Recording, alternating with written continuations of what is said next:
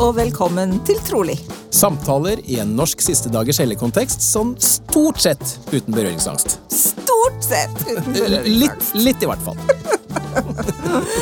Jeg heter Joanna Bjerga, Og jeg heter Dan Rikard Hagen. og her i Trolig så deler gjestene våre sine personlige trosreiser. Og så snakker vi sammen om emner som opptar oss.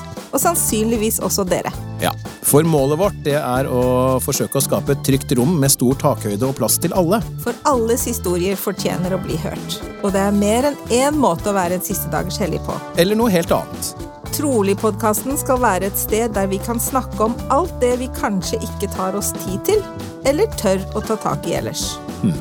Vi minner om at Trolig-podkasten ikke er i regi av Jesu Kristi kirke og Siste dagers hellige, og at det som ble delt her, er våre og gjestenes personlige meninger og erfaringer. Da er det endelig på tide med episode tolv, og ja da, vi har sagt det før, vi sier det kanskje hver gang, men denne episoden har vi gleda oss til den. Ja, og denne episoden har vi gledet oss så mye til at jeg har, jeg har ikke ord for å si hvor mye vi har gledet oss til den. Nei, det er, det er jeg helt enig med deg i. For uh, ikke bare fordi at uh, ja, vi skal snakke med en, kall det en liten kjendis, han er jo det. Litt, litt kjendis er han. Ja. Men eh, etter å ha lest eh, Jeg har bare fått lest en av hans bøker, du har jo lest flere, og vi har hørt ham på forskjellige uh, podkaster. Dette er en mann som kan hoste opp det ene gullkornet etter det andre, som får deg til å på en måte bare skjønne ting på en så mye bedre måte. Ja, og bare snakk om å liksom utvide horisonter og, og Ja. eh, utvide sjelen og, og bare kose seg. Så uten å eh, si noe som helst galt, så kan jeg kan vi trygt si at nå skal du bare sette deg godt tilbake og gjøre deg klar for en drøy time. Vi klarer aldri å få det under en time, så en drøy time med gullkorn som vi lover at du kommer til å føle veldig bra for. Og så ber vi bitte, bitte lite grann om unnskyldning, fordi denne episoden er altså på engelsk. Eh, For eh, gjesten vår i dag, han skulle få slippe å lære seg norsk for, uh, for podkasten. Og så vet vi jo at de aller, aller fleste av lytterne våre er gode i engelsk og klarer helt fint å følge med på en engelsk episode. Skal vi rett og slett bare kjøre episode? Nei, jeg tror bare vi må det.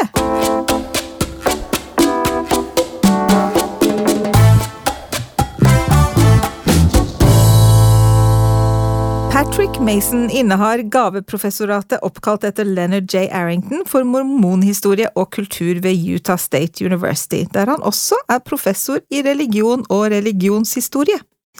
Og han er forfatter og medforfatter av flere bøker skrevet for både akademikere og medlemmer av kirken, blant annet Planted, Belief and Belonging in an Age of Doubt. Ja, den boken der! og så Mormonism and Violence, The Battles of Zion, og hans nyeste utgivelse som heter Restoration, God's Call to the 21st Century World. Han bor i Logan, Utah med sin kone Melissa og deres fire barn og vi lot ham altså slippe å lære norsk før opptak. Okay, a huge welcome to the podcast, Patrick. We are absolutely thrilled to have you with us, time difference and all. well, I'm really excited to be here. Thank you so much. Uh, I have to admit, Patrick, I'm uh, actually not a huge reader, but uh, Joanna has practically forced me to read your last book, The, Re- the Restoration. And now I actually can't stop talking about it. so I really look forward to hearing you tell us more about it in this episode. Great. Well, thank you. I'm always always happy to have readers or non-readers uh, on board. But before we get into the details of that book, could you tell us a little more about yourself and your background? yeah. So I'm from Utah. Uh, surprise. Uh, I was uh, uh, born born and raised here, and uh, went to Brigham Young University. Then went to the University of Notre Dame. Not not in France, not Notre Dame, but uh, Notre Dame in uh, Indiana, uh, the USA, for, for graduate school. And I'm a historian, so I specialize in American religious history, and then I've done most of my research and writing on on Mormon history. And I've I've just been really blessed to, to have a, a, number of different professional positions uh, that, that have allowed me to do that. And, and uh, so I, I, do my academic writing, but then I also do uh, some, some writing for, for the general public and, and, uh, and for church members. And let's see, I'm personally, I'm, I'm married uh, to an incredible woman, Melissa, and we have four kids. And I, I teach now at Utah State University in Northern Utah. Hmm. And you have some kids as well. Four kids. Yeah. So the oldest is 13 and 11 year old twins and a four year old. Whoa. You're kind of busy. Yeah, yeah, it, it, it, it, keeps me out of trouble. yep. We also know that you are quite a popular uh, podcast guest and uh, we are pretty sure this might be your first appearance on a Norwegian podcast. Am I right? I think so. So I am I am very excited, and I apologize that I don't speak Norwegian. Uh, and so. well, yeah, we are we are a little disappointed, but okay. Have you done uh, any other international uh, podcasts? Yeah, I've done uh, some in uh, England. I do a fair bit of media, you know, with interviews as as people do various stories on the church. Uh, and so I've done I've done a lot of interviews with journalists, um, but uh, but not very many podcasts. And so this is this is exciting for for me. Yes, we like to be first. yeah, well, exactly. And I watch a lot. I, I will say I watch a lot of uh, TV shows that, that, that come out of Scandinavia on uh, Netflix. Some of my Ooh. favorite shows are uh, Scandinavian. So, which ones, if I might ask? So, Occupied, which I think was uh, I think that was Norwegian. Uh, and I'm currently watching uh, Borgen, which is Danish. I- I'd like to know how you know my brother Elray. So we, I can't remember the first time we met. Actually, we've we've been in correspondence by email for quite a while, and it's largely because of our mutual interest in peace and nonviolence. Uh, and so he is a, a committed Christian pacifist, uh, and I deeply admire him uh, for that. And and that's that's been uh, an issue that's been of uh, strong interest of mine for a very long time. Um, and actually i one of my graduate degrees is in international peace studies and and so i started doing some some writing a, about mormonism and peace and nonviolence issues i've actually just finished a book uh, with the co-author david pulsipher about that topic and so oftentimes elray and I, I mean that's certainly how we struck up our our friendship and and he he read this this recent book or the manuscript and gave gave uh, me feedback on it and so uh, yes, we've gotten to be good friends. He is a good, good soul. And he can't speak highly enough of you. So, and we're very grateful for that connection so that uh, he was able to get in touch with you for us. Um, I have a question, uh, uh, Patrick, because we we start our podcast usually by asking um, the guest about their um, uh, faith experience or, or your journey, uh, so to say. What, what is your faith journey? Yeah, so I am a, a, lifelong member of the church. I was born and raised uh, in, in, in the church, and have always been very active in the church. It's it's always been uh, really meaningful for me, both in terms of my faith and also the community that I've participated in. You know, I've um, I've written about faith crisis. Actually, a, a, previous book of mine called Planted uh, is is all about faith crisis. But but I, as I say in that book, I never myself have, have gone through uh, something like that personally. Certainly, I've had a lot of questions uh, and I wrestle and, and struggle with a lot of different things. I, I personally think that's the nature of faith. Um, uh, but uh, but I've always been very active in, in the church, and it, and it's played a, a, a big role in in my life. So uh, you said you have you have had difficult questions, but not faith crisis. So uh, that's not the same thing, then. Yeah, well, yeah, I, I think it's probably on on the same spectrum, but I think the distinction is I've never felt um, you know, never felt completely alienated uh, from the church, or, or never felt like I had to to step away from from the church, either temporarily or or, or certainly not permanently. I've always been able to to wrestle with those kinds of questions and doubts that I have within the, the, the context of remaining an active member. And I know that that's that's hard for a lot of people, and that's not possible for a lot of people. That's that's just uh, I've been able to to do that. Um, you know, it actually helps me. I think that. Uh, that, that I chose to, to, to study this academically, to, to study the church and its history academically, it's given me really a three dimensional view hmm. of of things, and so very little surprises me anymore. um, and of course, there's always new things, new discoveries, or people do new things, right? Um, but but over the years, I've developed a framework where my faith, I think, has become fairly resilient um, and so I have a, a theological framework that, that, can take into account human fallibility, and and we see plenty of that uh, within. Are you able to describe that framework in some way uh, so it can help others? Yeah, well, well, well for me, it, it, really comes down to um, a really deep faith in Jesus Christ's redemption of the world. I believe that Jesus is always redeeming humanity, and that includes humanity outside the church and humanity inside the church. Mm. I see religion, and, and again, this is, I think, partly because I'm, I'm a scholar, I'm a historian. I see religion as very much a human thing.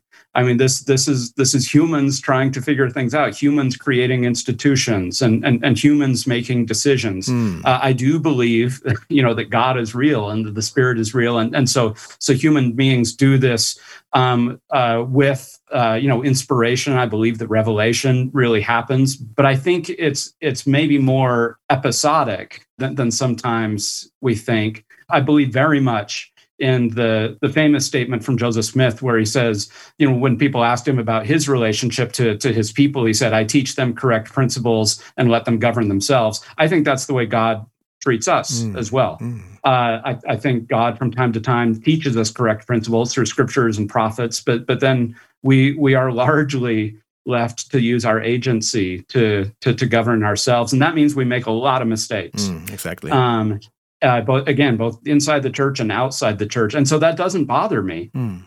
Precisely because I see the entire record of Scripture as a record of, of God being faithful and redeeming his people uh, who wander and stumble and are lost and are confused and sometimes have really bad ideas and sometimes do really bad things. But God is faithful and so he he continues to to strive with us even if sometimes we we we don't always strive with him. And so so so that that for me has has really become the, the the, theological framework which allows me to have a pretty resilient faith when when i encounter the the many difficult aspects of of church history or church doctrine and so forth that uh, that that I recognize this isn't the Church of Joseph Smith or the Church of Brigham Young or the Church of Russell Nelson mm. or the Church of Patrick Mason. It's, it's the, the, the, At least not yet. no, it never will be uh, because it's the it's the Church of Jesus Christ, and True. we are all. Um, I very much like the phrase from Paul that, that we see through a glass darkly, or, or we see through a mirror, you know, that's that, that's dark, and and I think that's our experience here that that we we do our best with limited knowledge and we're for me i'm just interested in, in trying to be a christian and the church is, is a very good place for me to do that. Uh, so so that's that that's sort of the framework that that allows me to to to, to deal with it. May i ask you what how do you define being a christian? Following jesus. I i take very seriously the the accounts of Jesus that we have in what I call, you know, and other people call the five gospels, you know, the four gospels in the New Testament and then third Nephi. And then taking very seriously what that community looks like, hmm. um, the community of people who try to follow Jesus. And we see that in the book of Acts and then in fourth Nephi. And my life does not even come close to approximating what the early Christians and the early disciples in the New World, um, in the Promised Land, what what what their lives look like but that for me is the model that's the aspiration um, you know to, to, to pattern my life in that way and to mm. and to organize my life according to the principles that i believe in to really live a life of forgiveness and of hope and of generosity and most of all of love mm. And again, I'm not very good at it. so when I say I'm a Christian, it's because those are the values that I have. I those are the values that I, I, aspire to, not that that I'm particularly good at. I have one more question uh, related to this topic. Uh, would you say it's it's not a deal breaker at all to be a good Christian, but still have really hard or difficult questions, or even things you find hard to believe in for instance, in the church? I, I can't imagine it any other way, especially if you're. Um, I, I, mean, I'm I'm always impressed. I, I, think there are very many people who have a um, a kind of unquestioning faith, and and that can even be a, a gift of theirs, right? And I look, I am both blessed and cursed with an analytical mind. Um, it is and it is a blessing and a curse. I'm, I'm very grateful for it but it also means it, it never turns off. My, my brain never turns off in, in, in any situation. And that's not you know because not all of human life can be reduced to you know to analytical uh, observations and, and processes mm but not everybody's brains are wired that way. Uh, so, some, some people's brains are, are wired otherwise. So, so, so for me, and, and I think for other people who are sort of intellectually inclined, I think it's probably impossible to live a life of faith without serious questions and and even doubts. And and I see that I see that in the origins of our church with Joseph Smith. I, I see him as as a, as a restless mind who is is always striving for truth and asking questions and grasping for it and I think sometimes over grasping, but mm. uh, but I think that's you know, and I see that throughout the scriptures as well uh, for for others who are who are balancing the life of the mind and, and the life of faith. So so some of my spiritual heroes, and I have many, both inside our church tradition and outside our church tradition, are are people who have have wrestled with how to balance the life of the mind and, and the life of faith. Because it's again the life of the mind is beautiful. It's a blessing. I'm grateful for it. I, I delight in it. And god gave us our brains for a reason. But it's uh, how to balance that with the life of faith is um, you know that's that's my ongoing quest. For other people it's different things. It's uh, it's how to how to balance a life blessed with tremendous material wealth and to, to, to balance that with the gospel. For, you know, for other people, it's it's other issues. So everybody has different things. For me, it's it's how to balance reason and faith. Hmm. So one of the things we also ask our guests is is how do they define faith? And we love hearing the different um, definitions. So, if you were asked to define faith, how would you define faith? Yeah, I mean, I, I, I really like the, the kind of traditional standard definitions that, that, that, we get in, in places like Alma and in Hebrews. You know, that faith is uh, not to have a perfect knowledge of things, right, but believing that it's true. I, I think that's quite a good definition, actually. Um, I also, you know, in, in, a, in a much more colloquial sense, uh, I like to think of faith as not knowing how things will work out, but believing that they will. and, and that's where faith verges into the territory of hope uh, as well. Um, and, and, these are related concepts. But, but the, yeah, I think to, to live of a life of faith, there, there's a kind of humility that comes with it as well, of knowing that you don't know everything.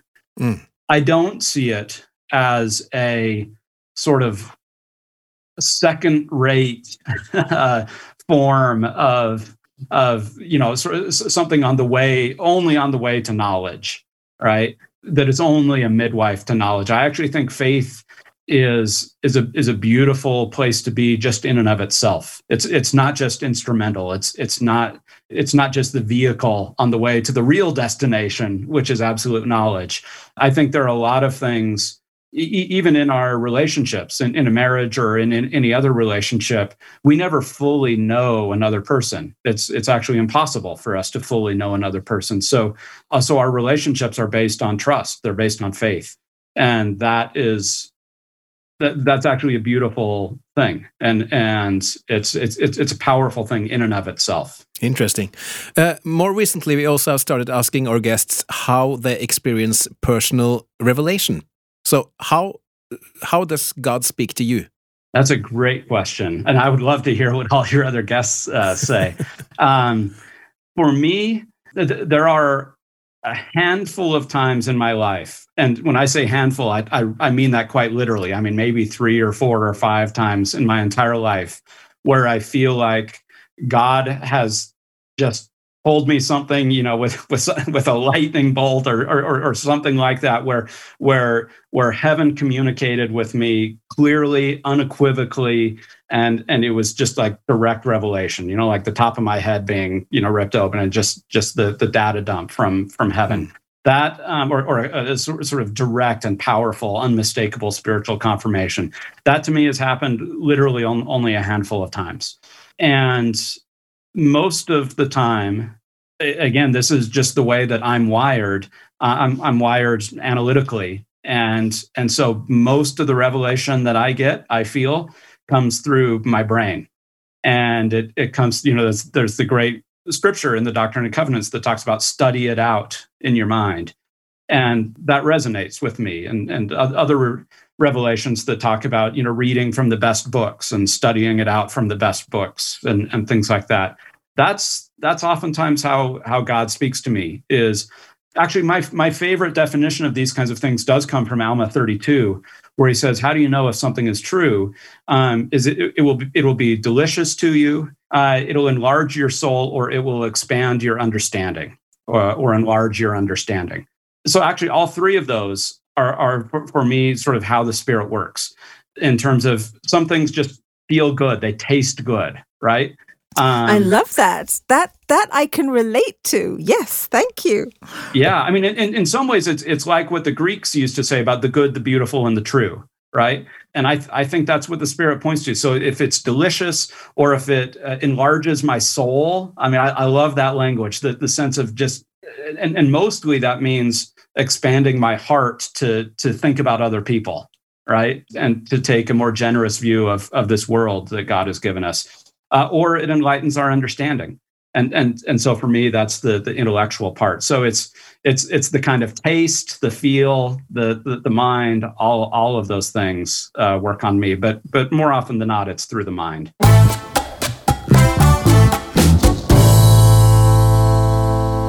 Okay, back to the books. Da-da-da-da.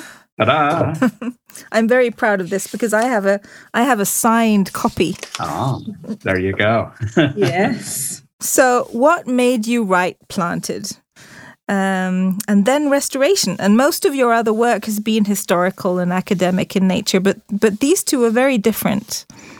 Yeah, they're very different, and and they um, uh, I never intended to write books like this. I mean, I when I got my PhD and got a job as a professor, I just fully intended on writing traditional academic books that nobody reads and nobody cares about. um, uh, and I was quite happy doing that. But it was it was in the you know early 2010s, maybe you know around 2012, 2013. Uh, at least here in the, the United States, and from what I understand um, in, in Europe as well, the church was really experiencing significant numbers of people who were really struggling and and faith crisis became a, a, a kind of term that, that, that became part of our vocabulary that hadn't been before mm. and i was um, you know in, in my role as a as a historian and, and as somebody who's uh, thought about some of these things i was asked to do lots of firesides uh, I was I was asked, you know, in terms of dealing with difficult issues in church history, I was asked uh, to to join Richard and Claudia Bushman, who are who are two of the great intellectuals and historians in the church, to to to go around and speak to some groups about these things. And you know, it's it's it's hard to remember it, but just a decade ago, there were almost no positive or constructive resources available to, to Latter day Saints who are working through a faith crisis. Mm. Um, there was the, the, church had nothing on its website. Um, oftentimes, the answer was just you know pray and read your scriptures, and even asking questions was was kind of a suspicious activity. And th- there there was you know th- there was almost nothing uh, that, that, that, would give people resources. And, and as I as I went out and gave these firesides and spoke to people, um, we always had questions and answers, and invariably somebody would say, "Well, where can I read more? Right? Where can I, you know, or when is the book coming out?" And I and and, and for the first several times, I said, "Oh, there is no book, or I'm I'm not writing a book, right? I, I have very important academic books to, to write that again nobody will read and fewer people will care about." But but I I'll never forget. Actually, I, I was at one particular fireside and this the same question came up but just looking into the woman's eyes who asked that question and seeing the kind of pain that that, that she was having and and and having having done enough of these to know that this, these were not isolated phenomena. The, the this this was something happening a- across the church again, especially in the United States and Europe. I, I, know less about how it's playing out in other parts of the world, and I, I, I sort of just decided on the moment. Uh, at, at, the moment, maybe it was the the spirit prevailing upon me. Um, that I said, "Okay, I guess I'm writing that book." I mean, I, uh, I had no intention of doing it, but um, and and so I did. It it became my, my kind of early morning project. I got up early in the morning before the kids got up and started writing, and and you know over the space of a year wrote wrote this book. Um, and and and really, it was trying to, to use whatever tools I had as a historian, and those are limited tools, but but still useful to, to, to think about dealing with faith crisis and thinking about difficult issues in church history. And so that's that's where Planted came from. It really came out of conversations with people and hearing and seeing the pain, both of those. You know, I, what what I tried to do in Planted and and uh, we weren't sure if this was going to work but i was trying to write both to those who were going through faith crisis and to the people who were still in the church and not going through a faith crisis themselves, but but had somebody that they loved who, who was. And I was trying to write to both audiences at once, which which was sort of tricky, but uh, you know, more or less, uh, may, maybe I approximated success in in being able to do that because that's what I care about. I care about the people, uh, and I care about the relationships, and I care about the fact that a lot of people this this has been very very difficult for them. Mm -hmm. Actually, Planted was kind of instrumental in the creation of this podcast, to be honest, because we wanted to create a safe space where we could talk about the issues members were struggling with, but of course in a faith promoting way. Yeah. So, what would you say is the main uh, message of Planted? Well, a couple of things. I, I, would say one is that we're not afraid of the truth. Mm. Um, we do we do not hide from the facts because, especially in the information age, they will catch up to us. Right. Yeah, exactly. uh, so, uh, as as much as we might want to, we we cannot hide from the facts. And so so instead, what we have to do is is to try and understand what those facts mean for us. And, and maybe that means sort of reshaping our faith life and reshaping our theology. I mean, that's sort of what we were talking about earlier in terms of building a theological framework that is resilient.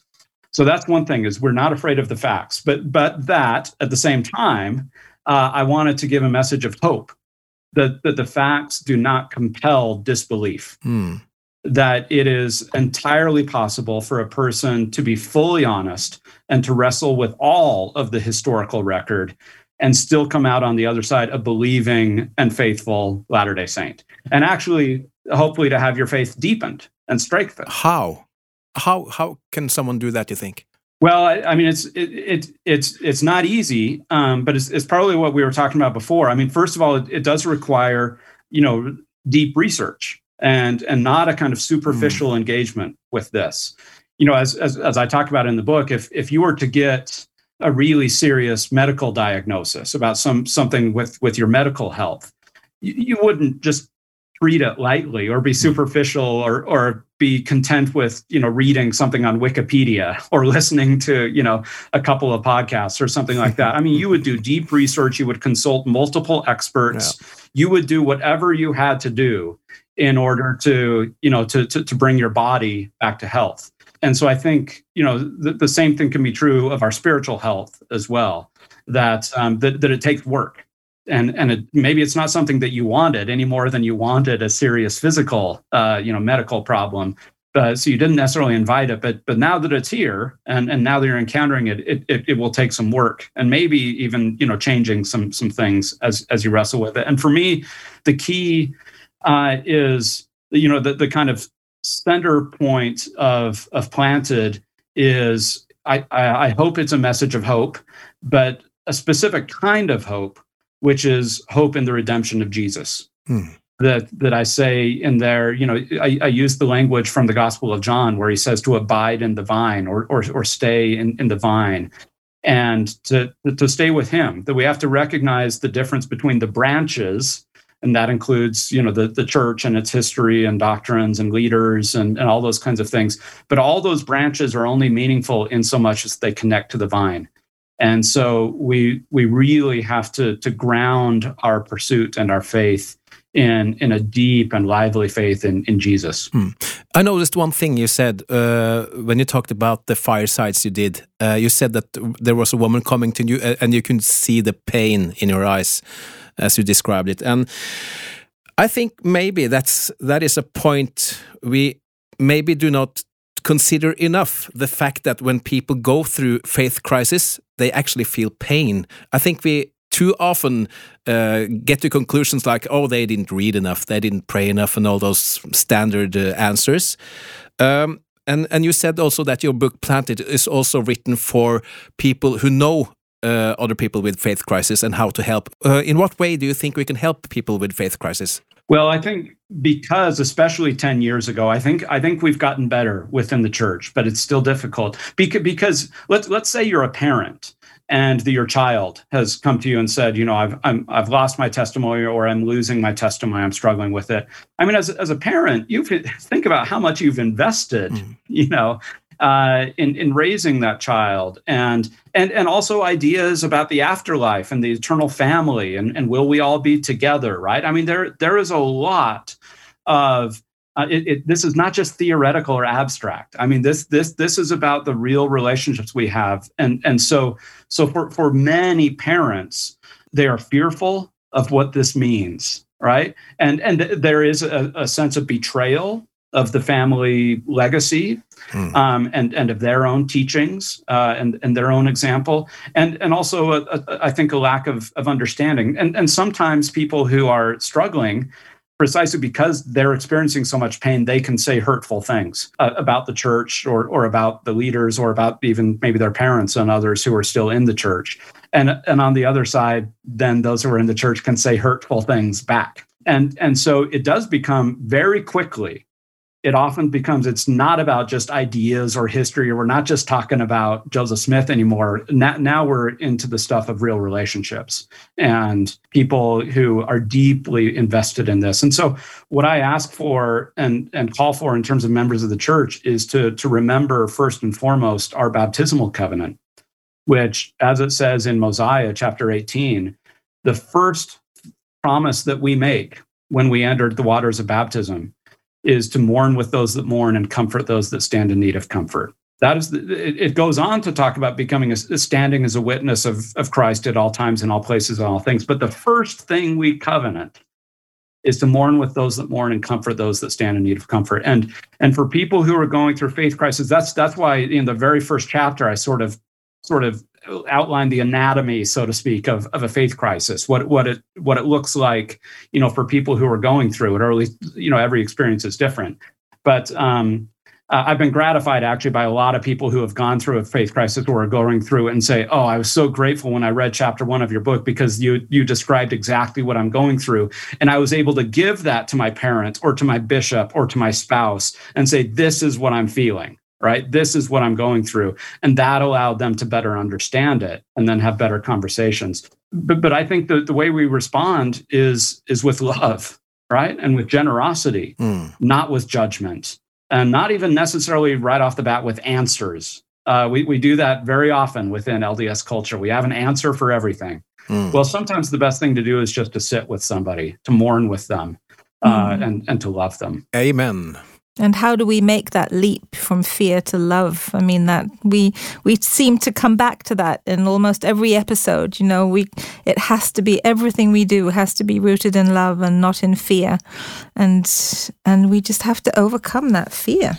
Yeah, I for for me it's I this this goes back to what we talked about at the very beginning. I just I have deep faith in our heavenly parents and in Jesus Christ that this this redemption narrative this love song this love relationship between our parents and their children is long and it is deep and um, they're they're just going to keep feeling after us. So it's it's not we you know we do feel so much responsibility because these these bonds and, and these ties are so deep in terms of the relationships we have with the people that we love. But i think we have to keep in mind that as much as we love our children or our spouses or our parents our heavenly parents love them more. And Jesus has already, you know, exemplified his love for all of us through his atonement. And so I just have a lot of trust and faith that uh, in, in, in, in the power of our heavenly parents and in Jesus Christ to reach after myself and and the people that we love. And so that takes the edge off for me a little bit. Eternity is long and life is long, uh, hopefully. And and so these if if we can hold on to these relationships and help them persist and nurture these relationships, um, then a lot of those other things I I I trust will kind of work themselves mm. out. Uh, because the thing is, it's really hard to make people want to uh, live by your example if we don't have that relationship. Yeah. That, that that's exactly right. And so the the the worst thing that could happen, and and unfortunately we've just seen this in too many cases, is for the people who are still inside the church to essentially shun the person who is is leaving. Yeah. Um, that is not the doctrine of our church. Um, but unfortunately, that's been the practice. And again, it's it's because of the pain that people feel, and, and maybe hurtful words and other things that have been said along the way. But we do not have have a practice of of shunning people, and instead, our our doctrine, uh, our teaching is is is to love. It, easier said than done, I know. Yeah. Um, but but but but that is that's the teaching. Mm. The second book, which I actually have uh, read, is Restoration. Uh, that gave me a whole new set of tools and analogies to handle the complexities of being a Latter day Saint in uh, our day. I especially enjoyed the way you started the book with the analogy of the fortress church. Could you explain to our listeners what, what is the fortress church? Yeah, well, this this comes from Europe. Actually, we we spent a few months in Romania. I was a Fulbright scholar there, and we loved Romania. It was such a beautiful country, and we we traveled around. And one of the, the things that Romania has, especially in Transylvania, are these old Saxon towns. And at the center of the town, and of course, the center of a lot of uh, European uh, towns and villages is the church. But in these particular towns, it was usually on a hill but then the, these were fortified churches. These are 12th, 13th century uh, buildings where the church served not only the spiritual needs of the people, but it was also literally a fortress uh, with with the wall and, and the parapets. And the, I mean, it looked like a you know kind of castle slash church. And we loved exploring this. It was fun to take the kids and, and so forth. But it got me thinking about the fact, you know, that the, the, the fortress church is very effective if you feel like that there are invaders or hostile forces that are coming to attack you, right? And, and so you go inside the fortress church and you lock the gates and you you know and you huddle up until the invaders leave right and it's and it's you know so there's a lot of safety there and and that's a good thing but nowadays you know when when you visit these fortress churches they're fun to visit. They're uh, they're beautiful. They're uh, and so forth, but they're completely irrelevant to modern life, right? And it seems to me that, that this became a metaphor for for maybe the way that we've had built the church, uh, our own church, not physically, but but in a kind of metaphorical way, uh, especially over the past century, but but maybe since the very beginning, certainly since the persecutions in Missouri, there was always this feeling that there were people out to get us, right? That there were hostile forces, and and and so we needed, you know, to to you know to to, to come together and be um, essentially closed the gates. And we saw the outside world with a deep degree of of suspicion um, that they were hostile. It's very much an us versus them mentality. Mm. We talk about the world as a bad thing, right? There's the church and then there's the world. And again, there's a lot of safety in that. And when you're inside the fortress church, huddled up together, I mean, you you you feel like you have a sense of purpose and, and so forth. But mm-hmm. then the world just passes you by. When you're inside the fortress all the time with the gates closed and the windows closed, the, the world passes you by and you have no influence, you have no impact, and you're not learning from the world as well. It becomes an echo chamber inside the fortress church. And so, metaphorically, I, I think maybe we've spent a little bit too much time in the fortress church. Spent a little bit too much time with the, the gates closed, the windows closed. And so I, I, I start the book by wondering if maybe as, as we begin the third century of the restoration, maybe it's time not that there are no hostile forces out there, but uh, but maybe it's time to you know to, to, to lower the gates, open the windows, uh, and interact a, a, little bit more productively with the outside world. Mm. I've heard you talk about in another podcast you visited earlier about sophisticated faith. I think you called it. Would you would you say that Fortress Church and sophisticated faith is kind of an opposite opposite thing? Yeah, well, I mean, I think um, you know one of the most famous scriptures in, in the Bible is um, God so loved the world that He gave His only begotten Son, right? And the the first part of that is God so loved the world. God doesn't hate the world. God doesn't reject the world. God so loved the world. And of course, the world is flawed, which is precisely why he had to send his son to redeem it right? To speak truth to it. But but I think that's that can very much be our approach as well. It's it's not that we uncritically accept everything uh, in, in in the world, but this is what the Spirit is given to us for in terms of the gift of discernment. This is why we have scriptures. This is why we have prophets. This is why we have the Holy Spirit to discern truth from error. Hmm. And so, yeah, when I talk about a, a, sophisticated religion, again, this doesn't mean that everybody has to have PhDs or, or anything like that. What it means, though, is that you know all of us as we become adults and as we go out into the world, right? We we become increasingly sophisticated in our lives, right? What, whatever your chosen field of study is, whatever your chosen line of work is, you become much more mature and sophisticated in, in that.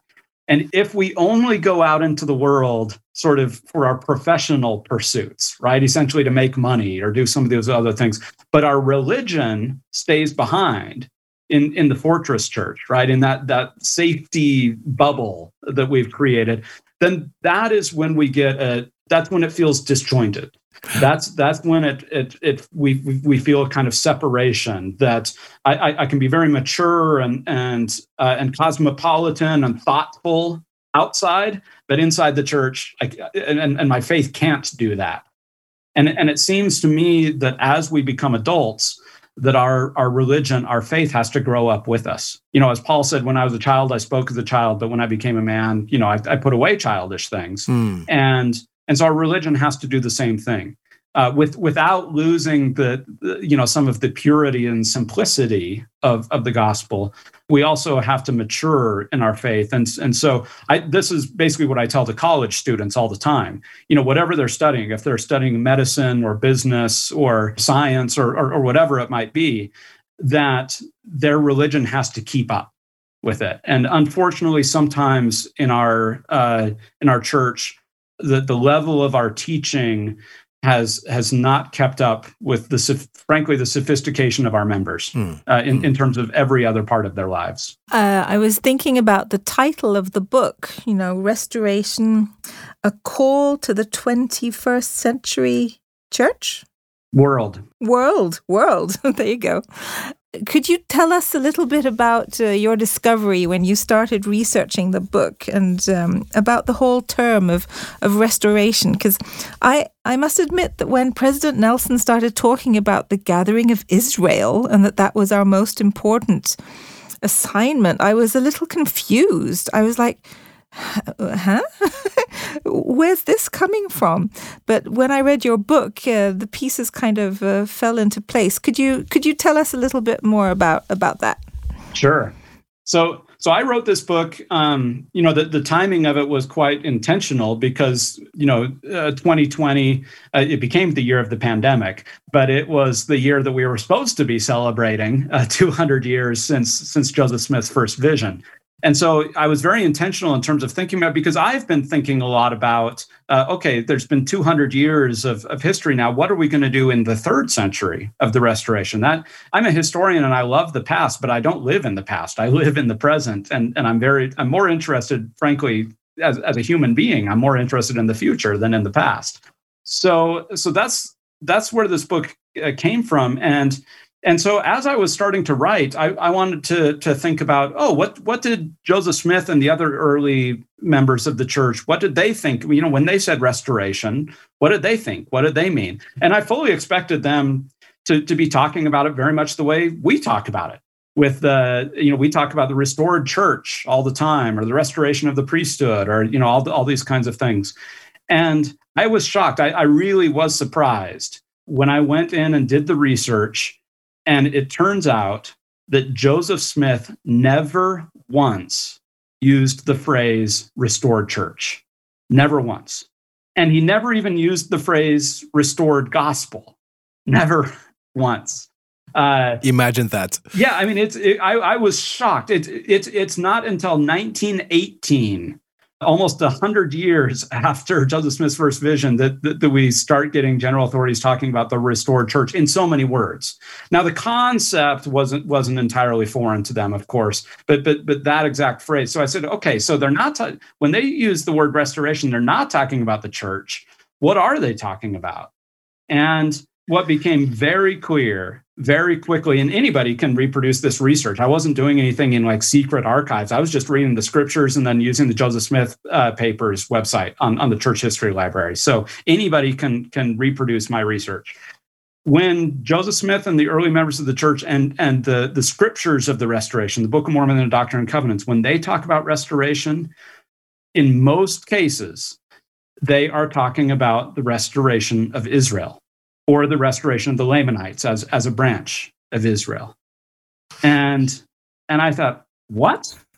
because I'm I'm like you. I'm like all the like Israel talk and so forth. I mean, I sort of grew up with it in the background, but it never made much sense. You know, I've read the Book of Mormon enough to know that it's in there a lot, but it but it never really made much sense to me. Um, and, and the, the key for me came when I when I came across a couple of scriptures, one in the Doctrine and Covenants and one in um, Nephi, where it talks about the restoration of his people.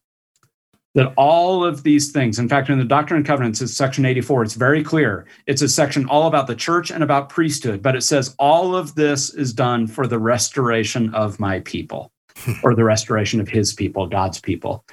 And that's when it clicked for me mm. that God's restoration project it's not about things. Yes, he restores a lot of things. We're grateful for the restoration of the priesthood and of ordinances and of doctrine and, you know, et cetera, et cetera. We could go down the list of all the things that have been restored. But those things are not an end unto themselves, that all of that is done to restore God's people. And historically, scripturally, his covenant people was called Israel right? And, and then in the Book of Mormon, the Lamanites are the remnant of that covenant people who remained after the annihilation of the Nephites. And what, what the Israelites and what the Lamanites have in common is that these are scattered people. These, these are people who have been persecuted, who have been marginalized, who have been cast off, who are deemed as filthy in, in the Book of Mormon.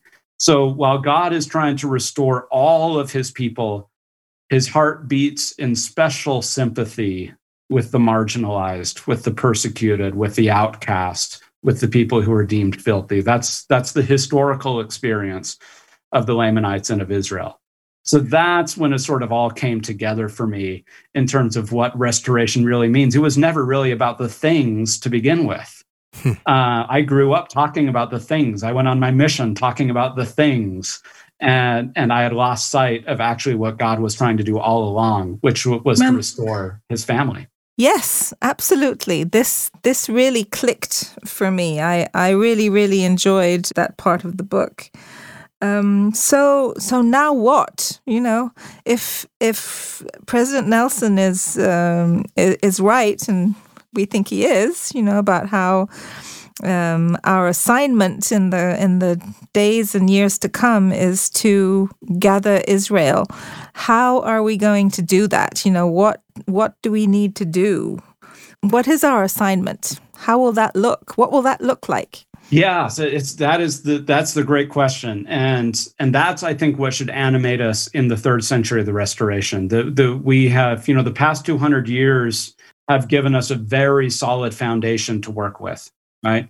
Uh, but but now we have a church that's that's well established and present throughout the world, and that has produced good, solid, faithful people, people of great capacity, right? With with a lot of gifts to share with the world, and so now I think our job is to to get out of the fortress church, to to go out and to discern what the what the need of the world is, and then in whatever way we can to meet that need but here's the thing we can't do it alone. We're too small, right? uh, Latter day Saints constitute 0.2% of the world population. And no doubt you feel that more acutely in Norway than I feel it in Utah, right? Mm. But I know, having lived in places like Romania and Egypt and Indiana, uh, you know, we our our numbers are very small, and so we're not going to do it alone.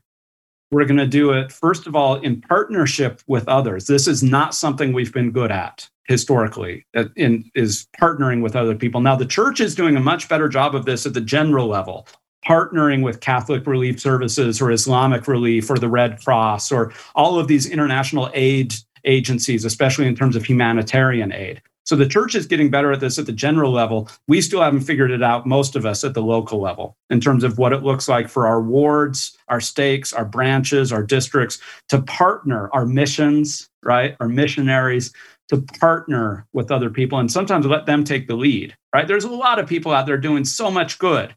We don't always have to be at the front of the line.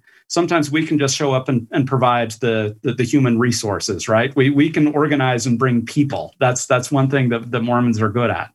Uh, but other people have oftentimes have more experience and, and can show greater leadership. And so that's one thing is we're going to partner with other people in meeting the world's needs. But the other thing is we can't let we can't lose sight of the things that God has uniquely called us to do. Um, I think that God has endowed different cultures and different religions with different gifts that they are very good at, that they have cultivated to bless the human family. That's true for us as well. The Church of Jesus Christ of Latter day Saints has been endowed with tremendous gifts and responsibilities, which include restoration scripture and the theology uh, which can bless people's lives. We know that in terms of our understanding of our heavenly parents and the plan of salvation. These are powerful ideas. The Book of Mormon is such a blessing. We know that it can change people's lives. That's something we've been asked to steward and then to, to bless the rest of the world with. The ordinances, which we know uh, have a powerful effect in people's lives in terms of allowing them to make and keep covenants, which, which will lead to a life of faithfulness and a life of consecration. We know the power that comes in that. The church community that we have, uh, we especially in Europe and and in the United States, community is disappearing. Especially, you know, flesh. You know, I mean, you know, kind of flesh and bone community. And I think, especially as we come out of the pandemic, people are going to be looking to reconnect. That the church is a gift to you know that allows people to do that in meaningful ways and in the service of others and we could go on and on about the particular gifts that we've been given think about the ordinances you know culminating in, in the temple and, and in the sealing of, of families and the sealing of god's family. So we've been given really important work to do right? And and so what god asks us to do is to roll up our sleeves and do the work. Not for the work's sake right? Or not to grow the church or you know it's you know it's but it's it's to benefit other people to, to bless the lives of actual people in whatever way that looks like whether they're attracted to the church or whether it's us going out and serving the world um, that's what the restoration is going to look like in its third century uh, this is something I've been thinking about lately, and uh, me and Joanna has been talking a little bit about it, not on air as much. uh, I believe uh, it's not wrong to say that we kind of have a narrative in the church that we are the only true church in a way, right? But could that cause problems for us? Because isn't that something that easily make us look down on people with other faiths, with other habits? At least I, I have to admit that I can find myself have not too good thoughts about people with the yeah that do the different things that I like know it's a wrong thing to do if you see what I mean. Yeah. What is your opinion about that? Well, this this is really important. Actually, I was so gratified to see because uh, I have my my own ideas about this that, that I'm going to share in a moment. But I was gratified to see last week in the church news that actually uh, President Oaks was recently training missionaries, and he spoke specifically to this question and, and I want to read something from the church news that I just happened to, to, to, pull up here where he talks about this. So this was President Oaks speaking to missionaries, and, and he and he talks about the, the verse in the Doctrine and Covenants where the Lord refers to uh, this as the only true and living church upon the face of the whole earth with which I, the Lord, am well pleased. And the, the article goes on to say, as a result, Latter day Saints often refer to the church as the only true church. Sometimes it might be done in a way that gives offense to people who belong to other churches or subscribe to other philosophies, ways that might imply arrogance, a holier than thou attitude, a monopoly on truth that excludes other faiths and philosophies, or suggestions that Latter day Saints are better than others, right? So I, I think that very well captures the, the problems that come with that kind of only true church. But here's what President Oaks said we should try to avoid all of those ideas mm. because none of them is true. Yeah. God has not taught us anything that should cause us to feel arrogant or superior to other people. And what he says makes the Church of Jesus Christ of Latter day Saints the only true and living church upon the face of the whole earth are three things. He says the fullness of his doctrine, the power of his priesthood, and a unique testimony of Jesus Christ. That, that's it. it. It doesn't mean that we have all truth, doesn't mean that we have all goodness. It means that what, what God has done is has restored certain truths to us right? That we are, we're not supposed to hoard in the fortress church. We're supposed to share, right? I always say the most powerful teaching we have in the church, and we forget about it because it, um, we teach it to our kids when they're three years old, is this notion I am a child of God, right?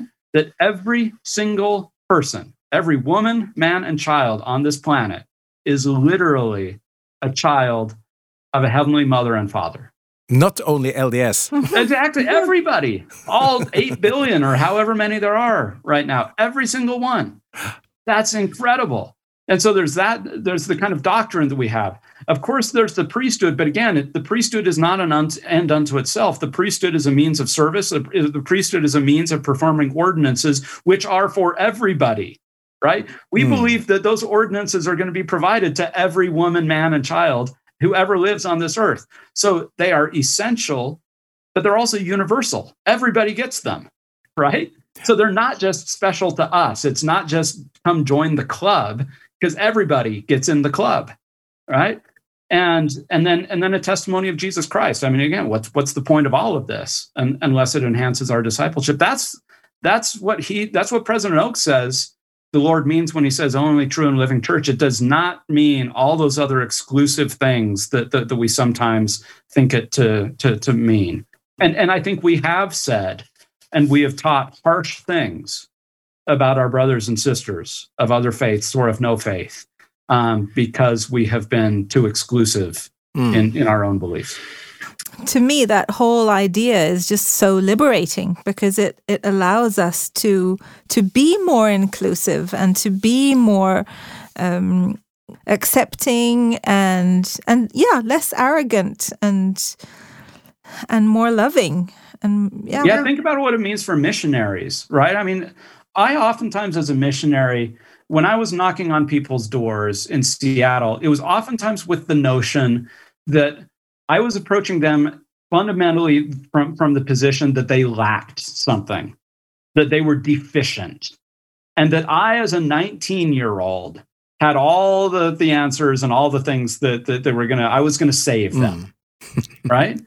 But instead, what, what this means is, is, is actually an entirely different thing, is it's approaching people and seeing them for the gifts that they have right? So, not from their deficiency, but rather from the gifts that God has uniquely given them.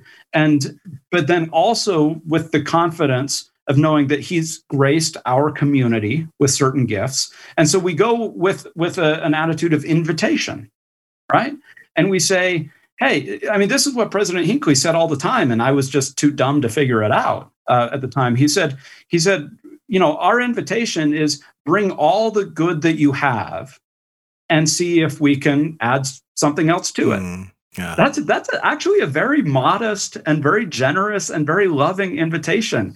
It doesn't see people as walking deficiencies. It sees people as rich and beautiful and smart and and and gifted uh, but then also says that, that God has graced our community uh, with some things that, that we believe we can add to the richness of, of your life. And so come and see. I wish I would have been like that as a missionary. Mm. Being a member of the church uh, in Norway, where the church is so tiny, um, you can appreciate that the section on being the salt of the earth and the mustard seed spoke to me especially. Can you elaborate a little on that? Well, I grew up in a church, again, especially the American church, the Utah church of the 1980s and 90s, that was addicted to growth. That was the story we told ourselves. And you heard it from every general conference for these reports about the numbers, the numbers of baptisms. We, we saw charts of the way that membership was growing. There were sociologists, non Latter day Saint sociologists, who, who noticed this and said that Mormonism was poised to, to, to become the next major world religion, you know, possibly with a quarter billion people sometime in this century, right? And we were all walking around, you know, saying that we were the fastest growing religion, and mm. and and that was what proved that the church was true, right? It was, they, they, they, were heady times, you know, and if you were a missionary who went to South America and baptized 500 people, right? I mean, that was, you know, that that was great. forget about Norway. Meanwhile, in Norway, you know, the, the numbers have been the same, the exact same for 45 years now. You know, there's been no growth. No, no. We weren't no. talking about that, right? We were looking And we just felt, and we just felt like, you know, what about us? Yeah, com- completely. yeah, exactly. that, that all the action is somewhere else, right? Yep. But, but, but the fact is now we're getting a little bit of dose of humble pie, um, because those the church is still growing. Um, and in certain places like sub-Saharan Africa, the Philippines, and other places, it's actually growing in, in, in impressive ways. But in Europe, in the United States, uh, and I think even in some places in Latin America, growth is either stable or possibly negative. Uh, the, the church may be shrinking in some areas. And we see this. Uh, you can see this in the overall membership numbers as, as well. So that that story of the fastest growing church, if it was ever true, is not true anymore. And I think that forces us to to do again to to humility, maybe a bit of repentance, and to to, to reappraise these things. And and when I read the scriptures, yeah, there there are sometimes these images of you know like the stone cut out of the mountain without hands that will fill the whole earth. Um, I don't know exactly what that means, um, but most of the images that come out of the scriptures actually Nephi when he saw the church in the last days, he specifically said that their numbers would be small, their dominions upon the earth would be small. And then, and then of course, the, you know, the main teaching comes from Jesus, who, whenever he talked about his followers, he used metaphors like the mustard seed or salt or light or yeast. These are all very small things. And, you know, we oftentimes in the church say, oh, well, the mustard seed, it smart, starts really small and then it gets really big. Well, a mustard plant is not really all that big. I mean, compare it to an oak tree, you know, or something like that. A mustard plant is still pretty small. Yeah, it's it's impressive in terms of relative growth, but it's it's still not a very big plant.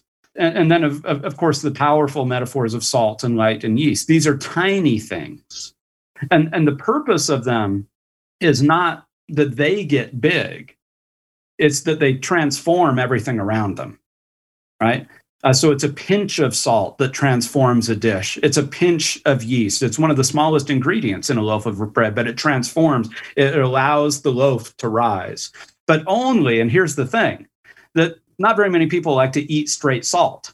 Not very many people like to eat straight yeast. Those things are only good. They only do what they're called to do in interaction with other ingredients. Yes. That's the metaphor that Jesus gives us. He calls yeah. his followers to be salt and light and yeast, to not to be the biggest, but to be transformative, to interact with the whole, to, to retain a sense of what makes them special, right? He, he, does say if the salt loses its savor, what good is it for, right? So, so there, there is, you know, we don't want to become just like everybody else. That we, our, our job is to, to have a kind of prophetic calling in, in the world. Again, this goes back to discernment between truth and error. But we only fulfill our calling as followers of Jesus if we interact with the world in order to transform it. Amen. I can't tell you how much how much that speaks to me and how much I love that. You probably mentioned this uh, early in this episode that uh, you are writing a new book. Is that so? Always. He's finished it. Yeah. yeah even finished? Tell us about it. Uh, so yeah, probably the book you're referring to is is about nonviolence. Uh, it's it's about a Latter Day Saint theology of peace, And this this is something that that I've felt deeply for a long time. And as I study the scriptures and I study the the life and teachings and example of Jesus, I see a, a deep um, and prophetic peace witness there. Uh, that to to be a Christian, to be a follower of Jesus, means to pursue peace uh, in countercultural ways.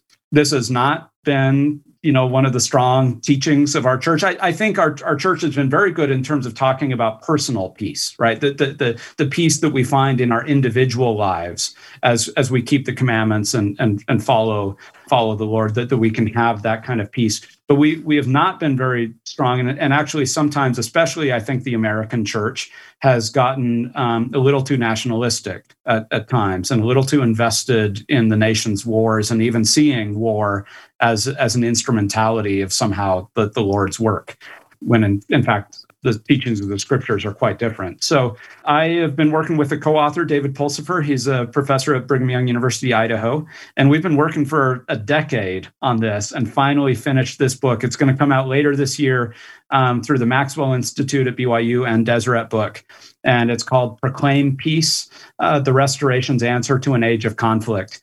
And uh, this is us diving deep into the scriptures. This is a work of scriptural theology. We, we tie, tie ourselves very closely to restoration scripture to try and discern what does it say about what it means to be a follower of Jesus um, when you're surrounded by a world of violence. Look forward to reading it. Definitely a book we're going to buy. Hope so. Well, I'll, I'll see if they'll translate it into Norwegian. Well, I guess we should probably start wrapping up then. And our final two uh, questions are Is there any one thing in the church you would change if you were in a position to do so? You know, I, will preface this by saying I actually force myself not to think about this question very much um, because I actually think it, it can be counterproductive. Uh, because it, it can lead you to think about all the things you wish you could change, right? And that's not my stewardship. It's not my calling. Uh, you know, I, I just I have my own little sphere of responsibility. But at the same time, it's an essential question that we can never stop asking, right? Um, because we believe in a gospel of repentance, which means that we believe in change and improvement. So, what would I what would I change? I would um, I would give a lot of attention I, I think within our current doctrine, there's still a lot of room for growth in terms of thinking about the equality of men and women and elevating the, the, the roles, the voices, the experiences of, of women to an equal sphere as men. We've gotten better over the last 10, 15, 20 years as, as a church, but we still have a long ways to go. Um, I think there's some lessons for us to learn actually from the 19th century. The, the, the 19th century church was both deeply patriarchal, but also the Relief Society was an incredible uh, organization in the 19th century that empowered women and in which they exerted their own leadership, their own uh, ritual power. There, there, there, were a lot of things that women did in the 19th century church that we no longer that the church no longer uh, allows or makes space for. So that's I don't have a lot of specific answers. I, I, think we need to discern it together. And actually, mostly I want to listen to, to the women of the church uh, and let them lead out on this. But if I were in a position, I, I would maybe make that uh, the first priority, at least, even if I don't have all the answers. Joanna is smiling here. I like this. and then we have a final question for you, Patrick. Um, what is your absolutely favorite thing about being a Latter day Saint? My favorite thing. I will say, um, I, I can't reduce it to one thing, so I'm going to reduce it to two things. One is that the church is where I learned to love Jesus. I know it's not the only place to learn to love Jesus, but this is where I learned to love Jesus. And I will always be grateful for the church for continuing to, to teach me to, to love and follow Jesus. And then the second thing is that I believe there's a great essay by uh, a man named Eugene England who passed away several years ago, which I think is one of the greatest things ever written about Mormonism. It's an essay called Why the Church is as True as the Gospel. And we oftentimes say, oh, the gospel is true, but the church has problems, right? But but this essay is called Why the Church is as True as the Gospel. And what he says there, and, and I deeply believe, is that the church is a laboratory for us to learn to love one another Mm. And I am a better person. I'm a better Christian. I'm a better human being because of my participation in the church, which has not only taught me how, but given me opportunities to love other people who are different than me. And I think in, in our world today, fewer and fewer people have those kinds of opportunities to, to be in flesh and blood community, uh, where they are invited to and even forced to deal with people who are different than them. Uh, social media fractures us, our politics fracture us, so many things divide us. And the church is, is one place where, when it works well, and it doesn't always work well, but when it works well, it brings us together. And, and again, it's, it's, it's taught me some of my most important lessons on, on what it means to, to love other people. Beautiful. And that's, and that's what the gospel is, right? Beautiful. Yeah, that's what we hope. That's what we hope. Mm. God is love, right? Mm. Thank you so much, Patrick, for taking your time to to be with us today, and uh, we're so excited to introduce you and your books and and your big heart to uh, the Norwegian members that we know listen, and. Um, I'm just super excited about this. And, and we're going to have to, we say this almost with every guest, you're going to have to come back. You know, can we book you now for when, for when the peace book comes out? Absolutely. It's supposed to be out this fall. So I would love to, th- that's a project that I care very much about. I mean, I always say like every new book is my favorite book, you know, the, that I've written, but, but that book is, um, is one that means a lot to me. And I hope has some impact on the church. Uh, we we will see. Oh, we're very excited about it. So thank you again, Patrick. We really well, this has been great. Thank you, and and I say this to everybody that I talk to on Zoom, but uh, I, I hope we find a time to to meet in person. I know the distance is is long, but uh, but I hope to get over there sometime. Welcome to Norway, and Logan is my favorite place in the states. I've always said that if I if we ever are asked or told to to gather in Zion, wherever that may be. I hope it's Logan. All right. Well, if you're ever here, uh, let, let me know.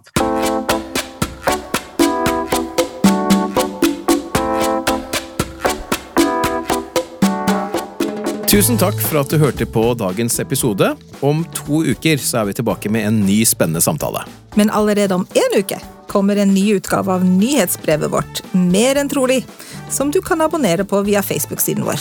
Glem heller ikke at du kan følge oss på både Instagram og Twitter, og at vi gjerne tar imot forslag til f.eks. For gjester og emner på e-post. Da kan du skrive til troligpodkast, med K altså, troligpodkast at gmail.com. Og hvis du liker det du hører, så blir vi ekstra glad for skriftlige vurderinger, særlig i Apple Podcast-appen. For slike vurderinger gjør nemlig at flere kan oppdage Trolig-podkasten. Da høres vi igjen om to uker.